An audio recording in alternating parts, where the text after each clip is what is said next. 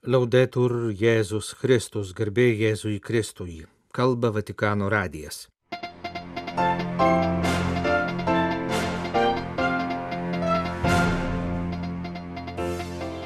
Gavėnios pamokslas Vatikane.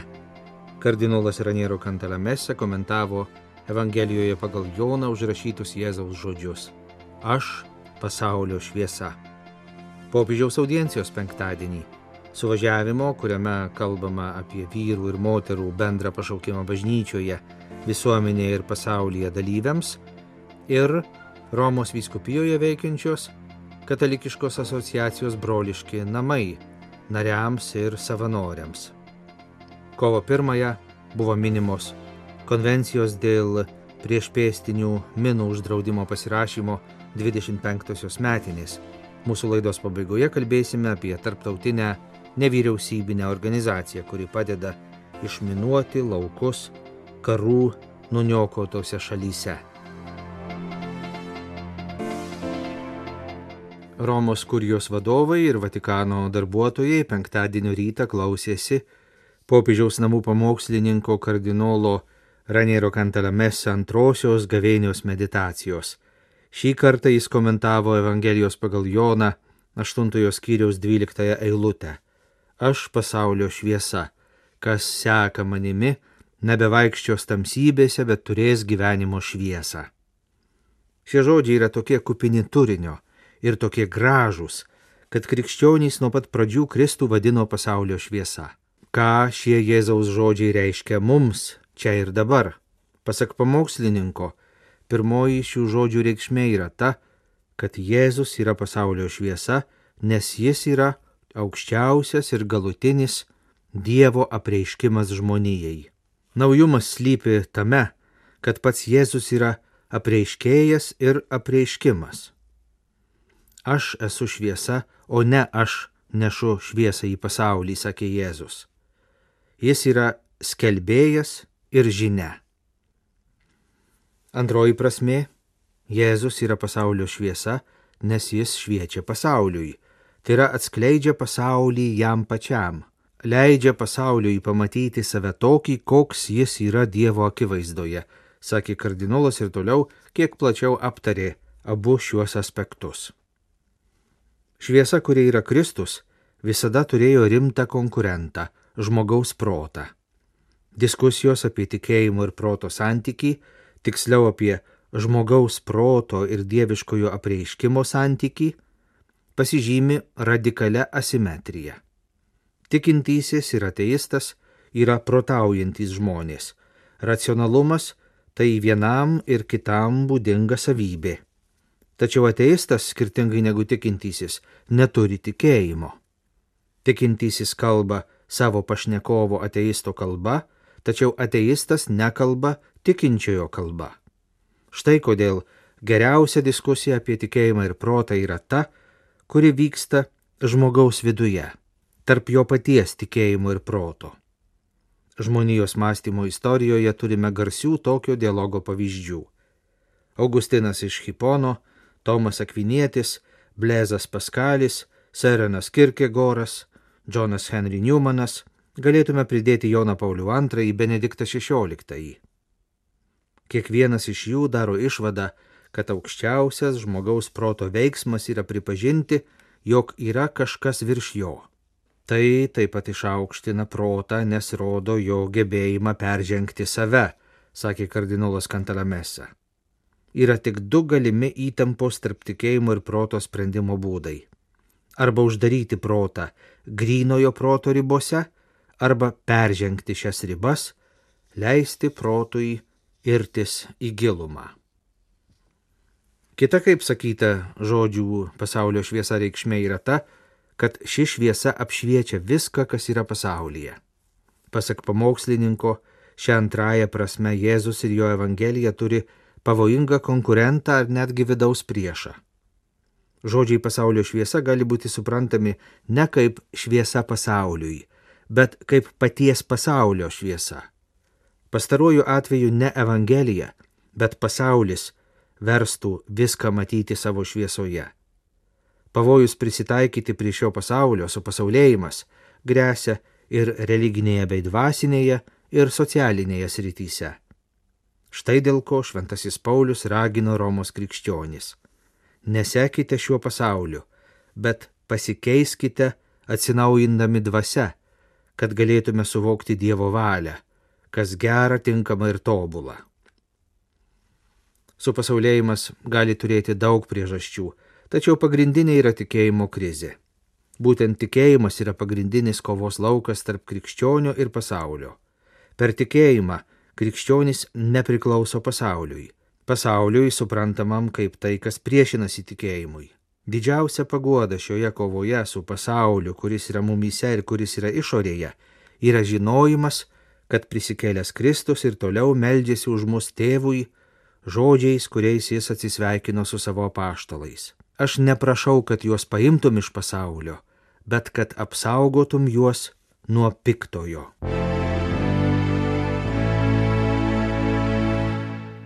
Penktadienio rytą popiežius susitiko su tarptautinio suvažiavimo apie vyro ir moters kaip Dievo atvaizdo pašaukimą bažnyčioje, visuomenėje ir pasaulyje dalyviais.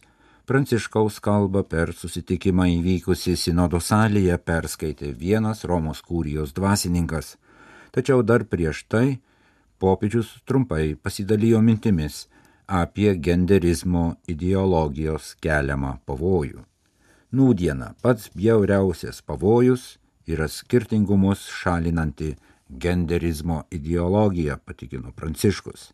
Ji šalina skirtingumus ir viską sulygina. Perché oggi il pericolo più brutto, più brutto è l'ideologia del gender che annulla le differenze Šalinti skirtingumus reiškia išbraukti žmoniškumą, e cancellare le differenze cancella l'umanità. Uomo e donna, intenzione sempre. gi tarp vyro ir moters yra sveika įtampa. Popiežius užsiminė skaitęs įdomų Roberto Hugh Bensono romaną apie tai ir ekspromptų kalboje pasiūlė suvažiavimo dalyviams perskaityti autoriaus pranašiškas mintis apie užmojį pašalinti skirtingumus. Bendradarbio perskaitytoje savo kalboje popiežius priminė, kad vyras ir moteris yra Dievo sukurti ir kad juose glūdi amžinybės ir laimės troškimas, kurį pats Dievas sužadino jų širdyse ir kad jie yra pašaukti savo troškimą įgyvendinti specifiniu pašaukimu. Anot popiežiaus, mumyse glūdi sveika vidinė įtampa, kurios niekuomet neturėtume užgošti, nes esame pašaukti būti laimingais, esame pašaukti į gyvenimo pilnatvę ir į kažką didingo, ką Dievas mums skyrė kiekvieno iš mūsų gyvenimas, netmetant nei vieno. Ir mūsų buvimas pasaulyje yra neatsitiktinumas. Esame meilės plano dalis ir esame kviečiami išeiti iš savo ribotumo, kad įgyvendintume meilės planą savo ir kitiems. Tai nėra uždavinys iš išorės, o mūsų prigimties matmuo, mūsų buvimas vyrų ir moterimi pagal Dievo atvaizdą mums pavesta ne tik misija, kiekviena ir kiekvienas iš mūsų esame misija, kiekviena pakrikštytoji ir kiekvienas pakrikštytasis yra misija, kas myli, tas leidžiasi į kelią, yra raginamas išeiti, yra traukiamas ir traukia, dovanoja save kitam ir užmesga gyvybę teikiančius santykius. Nė vienas nėra nenaudingas ar nesvarbus Dievo meiliai. Popiežius pasidalijęs kardinolo ir palaimintojo Džono Newmano išvalgomis patikino suvažiavimo dalyvius, kad jų dedamos pastangos dalytis mintimis apie nūdieną iškylančius iššūkius, antropologinę krizę, žmogiško ir krikščioniško pašaukimo ugdymo svarbą yra svarbios ir naudingos. Pasak popiežiaus, svarbu, jog tarp skirtingų pašaukimų vyktų mainai kad darbai kylantys iš visuomenės ir bažnyčios geroviai tarnaujančių pasauliečių gyvenimo kartu su išventintųjų ir pašvestųjų tarnystės dovana galėtų prisidėti prie vilties kūrimo pasaulyje, virš kurio tvyro sunki mirties patirtis. Vatikano prelatui perskaičius popiežiaus kalbos tekstą, popiežius dar kartą kreipėsi į susirinkusiuosius, pažymėdamas, kad šventoji dvasia prašo mūsų labai svarbaus dalyko - ištikimybės. Būna, kad dėl ištikimybės turime rizikuoti. Muziejinė ištikimybė nėra ištikimybė, pridūrė Pranciškus. Turime žengti pirmin su drąsa, atpažinti ir rizikuoti ieškodami Dievo valios.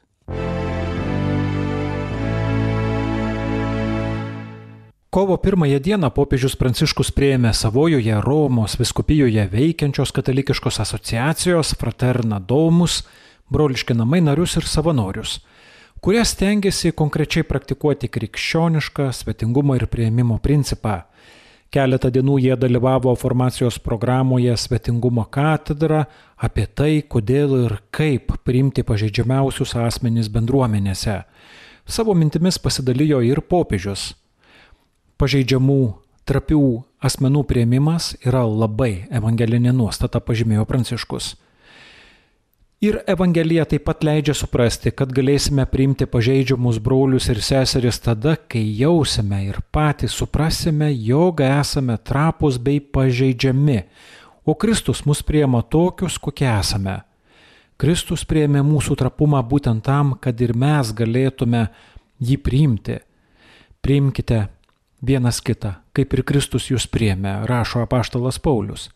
Jei pasiliksime jame, taip kaip šakelės kamienę, duosime gerų vaisių ir svetingumo bei prieimimo laukia, pažymėjo popiežius Pranciškus. Jis pakvietė mąstyti apie kitą Evangelijos aspektą. Didžiąją savo viešo gyvenimo dalį Jėzus praleido Galilėjoje, kur nuolatos bendravo su vargšais ir įvairiausių lygų kamuojamais ligoniais. Ir būtent tokiu būdu Jėzus ugdė savo mokinius, mokė juos gyventi su tokiomis nuostatomis. Mokiniai matė, kaip jis visus priemė, visus užjautė, visiems mokėjo būti artimas. Todėl Jėzaus mokiniams trapumo prieimimas nėra ir negali būti, o tokia pagunda nėra reta. Darimas to, kas paprasčiausiai atneša kitų pripažinimą, taip pat tai nėra paprastas gerai veikiančių struktūrų kūrimas ar praktikų dėgymas. Viešpats moko, jog ligonis arba trapus asmuo nėra paprasta kategorija, kuriai reikia suteikti tam tikrą paslaugą, bet veidas. Šventoji dvasia toliau ugdo tokią nuostatą Kristaus mokiniuose, kaip liūdėja daug vyrų ir moterų, prieimusių mažus, vargšus, trapius, atmestus, jais pasirūpinusios. Kai kurie iš jų paskelbti šventaisiais ir yra pavyzdžiai mums ir mūsų bendruomenėms. Svarbu dalintis šių liudytojų istorijomis.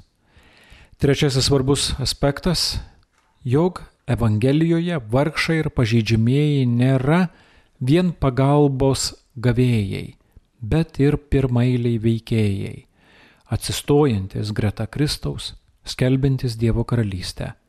Šio požiūrio įtin išraiškingas pasakojimas apie Jericho nerigį Bartimiejų. Minios triukšme tik Jėzus išgirdo jo šauksmą ir jo tikėjimą, o neregys, gavęs naują regėjimą, nuseka paskui Jėzų ir tampa jo liudytoju. Pažeidžiamas Bartimėjus, išgelbėtas pažeidžiamo Kristaus, dalyvauja jo prisikėlimo džiaugsme. Taip pat reikia atsiminti, jog trapumas, pažeidžiamumas yra ne vien fizinis. Štai Marija Magdalietė, kankinta septynių demonų, tapo pirmąją prisikėlusio Jėzaus liudytoje. Jei pažeidžiami asmenys yra priimami Kristaus būdu ir su jo malone, jie patys tampa Evangelijos ženklais tikintiesiems ir visuomeniai, sakė popiežius Pranciškus audiencijos dalyviams.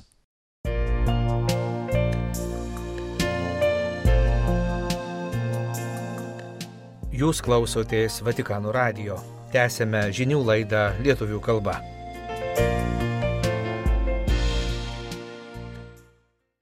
Nevyriausybinė organizacija Halau Trust šalina po konfliktų likusius sprogmenis ir moko bendruomenės, kaip kuo saugiau atkurti savo gyvenimą.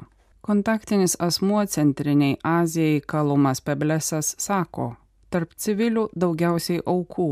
Viena mina gali apriboti naudojimąsi žeme, todėl ji turi įtakos visos šeimos pragyvenimui. Sausumos minos yra karo ginklas, o halautrast siekia jas pašalinti. Tai paprastas atsakymas į sudėtingą ir žiaurę tikrovę. Pasibaigus konfliktui, karo padariniai neapsiriboja tik ekonomika ir politika. Mūšio laukuose, kuriuose anksčiau gyveno ištisos šeimos ir bendruomenės, slypi nesprogės sprogmenis, keliantis grėsmę visiems, kurie bando sugrįžti. Nevyriausybinė organizacija Halau Trust jau daugelį metų darbuojasi daugiau nei 30 šalių humanitarinio išminavimo srityje, nukenksmindama sausumos minas ir kitus nesprogusius sprogmenis, siekiant padėti gyventojams, kurie liko po konflikto pabaigos. Pasakoja organizacijos atstovas Centriniai Azijai Kalumas Peblesas priešpėstinės minos yra rykštė visoms šalims, kuriuose jos egzistuoja, sakė jis Vatikano žiniasklaidai po popiežiaus kreipimosi per bendrąją audenciją prieš šiuos klastingus įtaisus, primenančius karo dramą ir toliau persekiojančius nekaltus civilius, ypač vaikus. Zimbabvėje, Kambodžoje, Afganistane ir kitose regionuose fondas valo ligoninės mokyklas ten, kur vyko ginčiai dėl žemės ir kur sprokstamieji daiktai išmėtyti žemėje ir dažniausiai sukelia sužalojimus ir mirtį vyrams, moteriams ir vaikams, pabrėžė Peblesas. Minos nėra skirtos tiesiogiai jiems. Šie renginiai dažniausiai naudojami karinėme kontekste, tačiau dėja už tai moka nekalti civiliai gyventojai. Vien tik Afganistane per pastaruosius trejus metus minos pražudė 3000 civilių gyventojų daugiau nei pusė jų vaikai. Tai tik tie, apie kuriuos žinome, sako Peblesas. Šiuo metu milijonai žmonių bando grįžti į šalis ir vietovės, kuriuose yra minų ar kitų sprokstamųjų karo liekanų. Šie nesprogę sprogmenys dažnai daro įtaką kaimo gyventojams. Viena mina gali sutrukdyti naudotis dideliu žemės plotu, Todėl net viena mina turės įtakos visos šeimos pragyvenimo šaltiniui, ypač tose vietose, kuriuose maisto trūkumas toks didelis, kad šeimos rizikuoja naudotis žeme, nors ir žino, kad yra grėsmė. Kita svarbi fondo veikla - švietimas. Daugelie šalių darbo, kurį reikia atlikti, mastas toks didelis, kad organizacija negali visko padaryti. Todėl bendruomenės reikia informuoti apie sprokstamųjų objektų keliamą pavojų ir apie tai, ką daryti radus tam tikrą objektą. Kitas žingsnis yra mėginimas sunaikinti sprogmenis. Halautrast komandas sudaro tarptautiniai ir regioniniai ekspertai. Organizacija įdarbina vietos bendruomenės, suteikia darbo vietų tiems, kurie galbūt neturi jokių galimybių įsidarbinti, moko juos naikinti sprogmenis, Kalumas Peblesas pabrėžia, kad visi praeina išsamius mokymus. Kovo pirmą dieną minimos konvencijos dėl priešpėstinių minų uždraudimo pasirašymo 25-osios metinės. Apie tai priminė ir popiežius Pranciškus vasario 28 dieną per bendrąją audienciją. Popiežiaus balsas, remiantis šį darbą ir visus jam savo gyvenimą paskyrusius žmonės, yra nepaprastai reikšmingas.